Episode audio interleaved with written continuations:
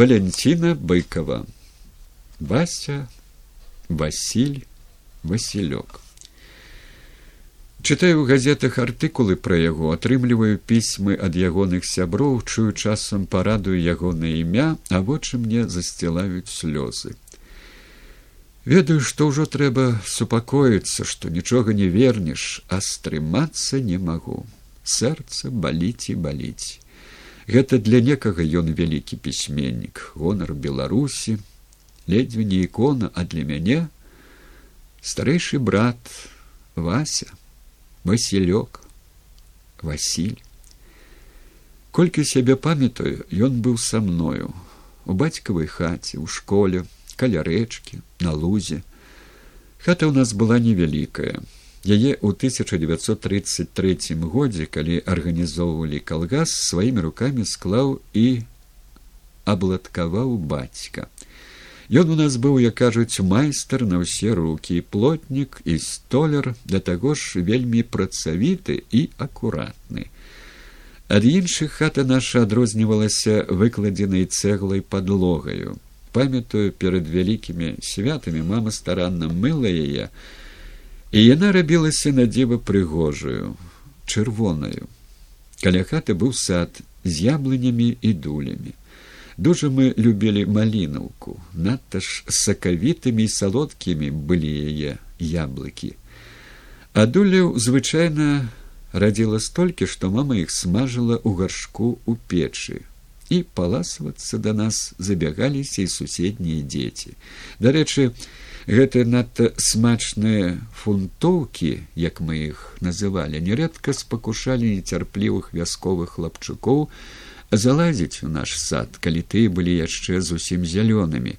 Былі ў садку і вішні і апорты, але найбольш запомніліся малінаўкі і дулі. У істопцы ў нас стаялі жорны, на якіх малолі зерня, захоўвалася бульба і гародніна. Я добра памятаю, усім нам вельмі падабалася бацькава хата і чырвоная падлога і цёмная стопка і цёплая прасторная ляжанка на печы і шырокія лаўкі каля сцен мама наша была дужа добрая спакойная бацька ж быў шустрэйшы гарачлівы але адыходлівы. Мы дзеці браты васілі мікола і я з малалецтва былі прывучаны да працы мелі свой клопат ці ў двары ці ў агародзе. Асабліва часта матолі дапамагаў васіль калі бацька быў заняты ён прыносіў дровы ў хаты а восенню заўсёды падсабляў выбіраць бульбу рос ён вельмі паслухмяным і добрым хлапчуком хаця як і ягоныя равеснікі мог і пасваволіць. Помню полезла я неяк з дзяўчаткамі ў сажалку пакупацца а вася з сябрамі забраў наше адзенне. Давялося дадому бегчы голай. Бацька тады яго адлупцаваў. Гэта быў адзіны выпадак калі бацьку давялося пакараць васіля калі вася пайшоў у школу ён стаў вельмі заняты бо дужа полюбіў чытаць кніжкі. Бывала ідзе скоблічыў са школы і цягне цэлую сумку кніжак што набраў у бібліятэцы. Чытаў іх і па дарозе і потым дома ажно да позняй ночы. Пры ім і я рана навучылася чытаць, і калі пайшла ў першы клас, дык ужо умела і пісаць і лічыць. А яшчэ ён любіў маляваць, і дужа ўдала ў яго гэта атрымлівалася. Наогул вася ўжо з дзяцінства многае умеў рабіць, відаць, ад бацькі пераняў здольнасці. Сам змайстраваў сабе лыжы і канькі, драўляныя, падбітыя дротам, на якіх катаўся зімою ці то з горкі, ці то на сажалцы летом жа выстрогаў у сабе розныя вінтоўкі наганы гранаты з якімі гуляў у вайну а мне аднойчы пашыў ляльку. Я вельмі любіла гуляць у лялькі але купіць іх не было за што а пашыць самой у мяне не атрымлівалася. А ён зрабіў як сапраўдную з руками нагамі косамі. Я шмат гадоў яе берагла. З ёю нават спаць клалася. Аднаго разу памятаю як у мяне украла суседка яе. Ёй таксама яна падабалася Вучыўся Васіль вельмі добра. Яго заўсёды ставілі ў прыклад і бацькі ганарыліся гэтым. За выдатную вучобу яму нават давалі прэміі. памятаю, далі яму чаравікі, а гэта ў той час быў вельмі дарагі падарунак. Быў Вася і актывістам, рэдагаваў на сцен газету. Асабліва мяне здзіўляла і захапляла ягонае ўменне маляваць. Калі я хадзіла ў другі клас, а ён быў у чацвёртым, настаўнік аднойчы паставіў аднаго вучня на табуретку і загадаў усім намаляваць яго партрэт. У мяне ды і ў многіх іншых нічога людскага не атрымалася. А калі я знайшла ў васілёвай сумцы малюнак, які зрабіў Васіль, дык ажно не магла поверыць сваім вачам, як жывы. Пасля памятаю на палатне алейнымі фарбамі Вася намаляваў партрэт Леніна, і яго нельга было адрозніць ад фабрычнага. Бацька павесівыгаў побач з абразамі. Як пачалася вайна, праўда, ён яго ці то закапаў, ці то спаліў, не памятаю, але партрэт гэты не захаваўся. Усе плакаты, усе лозунгі, усе карыкатуры, якія былі ў нашай школе, усё гэта было Васілёва. Прынясе бывала да хаты цэлы рулон шпалераў і малюе іх да ўсякіх святаў. Асабліва ж любіў пейзажы. Гэта, як кажуць, для душы. Пасля васьмі класаў ён не захацеў далей хадзіць у школу, а вырашыў паступаць у віцебскае мастацкае вучылішча. І ўсё ў яго там атрымлівалася добра, але ў нас не было грошай, каб плаціць за вучобу. І Васіль праз год вярнуўся дамоў, дужа перажываў, што так здарылася. Вася быў, як казалі ў вёсцы самастойны сур'ёзны хлопец. Ён ніколі не бегаў на вечарынкі, не любіў біць лынды з суседскімі бэйбусамі і сябраваў болей з дарослымі, старэйшымі за сябе людзьмі. Пры любой нагодзе зашываўся ў куток з кніжкай і чытаў.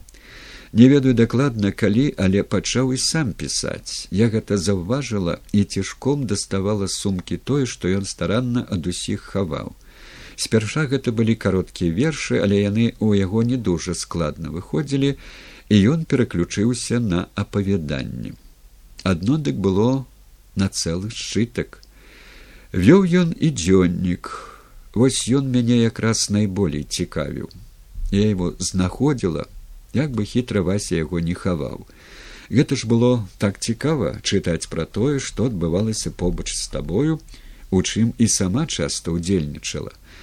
Перад вайной Васіль паехаў вучыцца ў ФЗН, школу фабрычна-заводскага навучання. І мы разлучыліся надоўга. Пачалася вайна і ўсё ў жыцці перамянілася. Памятаю, колькі наплакалася маці, не маючы ніякай вестачкі пра сына. Вельмі перажываў і бацька. За гады гітлераўскай акупацыі давялося выцерпець усякае, і ўвесь час з трывогай думалася пра брата, дзе ён, ці жывы, ці давядзецца зноў з ім пабачыцца. Забіралі мяне фашысты з іншымі дзяўчатамі весці ў рабства ў германію, але я ўцякла ад васіля атрымалі пісьмо калі ўжо прайшоў праз нас фронт і вярнулася савецкая ўлада. Памятаю як гэта было. Мама з жанчынамі на лузе грэблі сена а паштальон якраз і прынёс ліст. Кажа вам трохкутнік а мама чытаць не ўмела. Дык скапіла его і кінулася бягом да хаты. Бацька у нас быў пісьменны і ўсё прачытаў што вася жывы і шукае нас пасля пачалі прыходзіць і яшчэ лісты. Аднойчы атрымалі паведамленне аб ягонай гібелі. Але мы разабраліся што сам василь пісаў нам са шпіталя пазней ужо а то вельмі спалохаліся. Дамоў першы раз пасля вайны мой дарагі васілёк прыехаў у 1948 годзе. Я тады жыла і працавала у пацвіллі. Дык ён з цягніка і завітаў да мяне завёў у рэстаран добра накарміў была зіма я хадзіла ў нейкіх чаравіках ногі страшэнна мерзлі дык вася падараваў мне новыя хромавыя боты я адпрасілася з працы за намі на кані прыехаў брат мікола і мы разам рушылі да бацькоў у родную вёску. Колькі было радасці і слёз і ўспамінаў не пераказаць. Васіль тады пабыў дома пэўна тыдзень, а можа і болей, і зноў паехаў служыць. Ну, а пасля жыццё патроху наладжвалася. Васіль кожны год хоць два ці тры разы прыязджаў на бацькава селішча. Стаў ён славутым. Ці не кожны дзень гаварылі аб ім. На радыё паказвала яго і тэлебачанне, кніжкі свае ён прывозіў, дарыў нам. Праўда, бывала, што на яго і ўсякую дарэмшчыну ўзводзілі. Канешне ж, ён перажываў, але мне ніколі не жаліўся, проста махаў рукой і супакойваў. Пройдзе, людзі ва ўсім разбяруцца. Памагаў мне заўсёды чым мог, але самае галоўнае дарагое для мяне было, што ніколі не забываў мяне, цікавіўся маім жыццём, не абмінаў цесную бацькоўскую хату, што ўрастала ў зямлю і серацела без нас. Такі ён быў родны мой вася васілёк васіль любімы мой незабыўны браток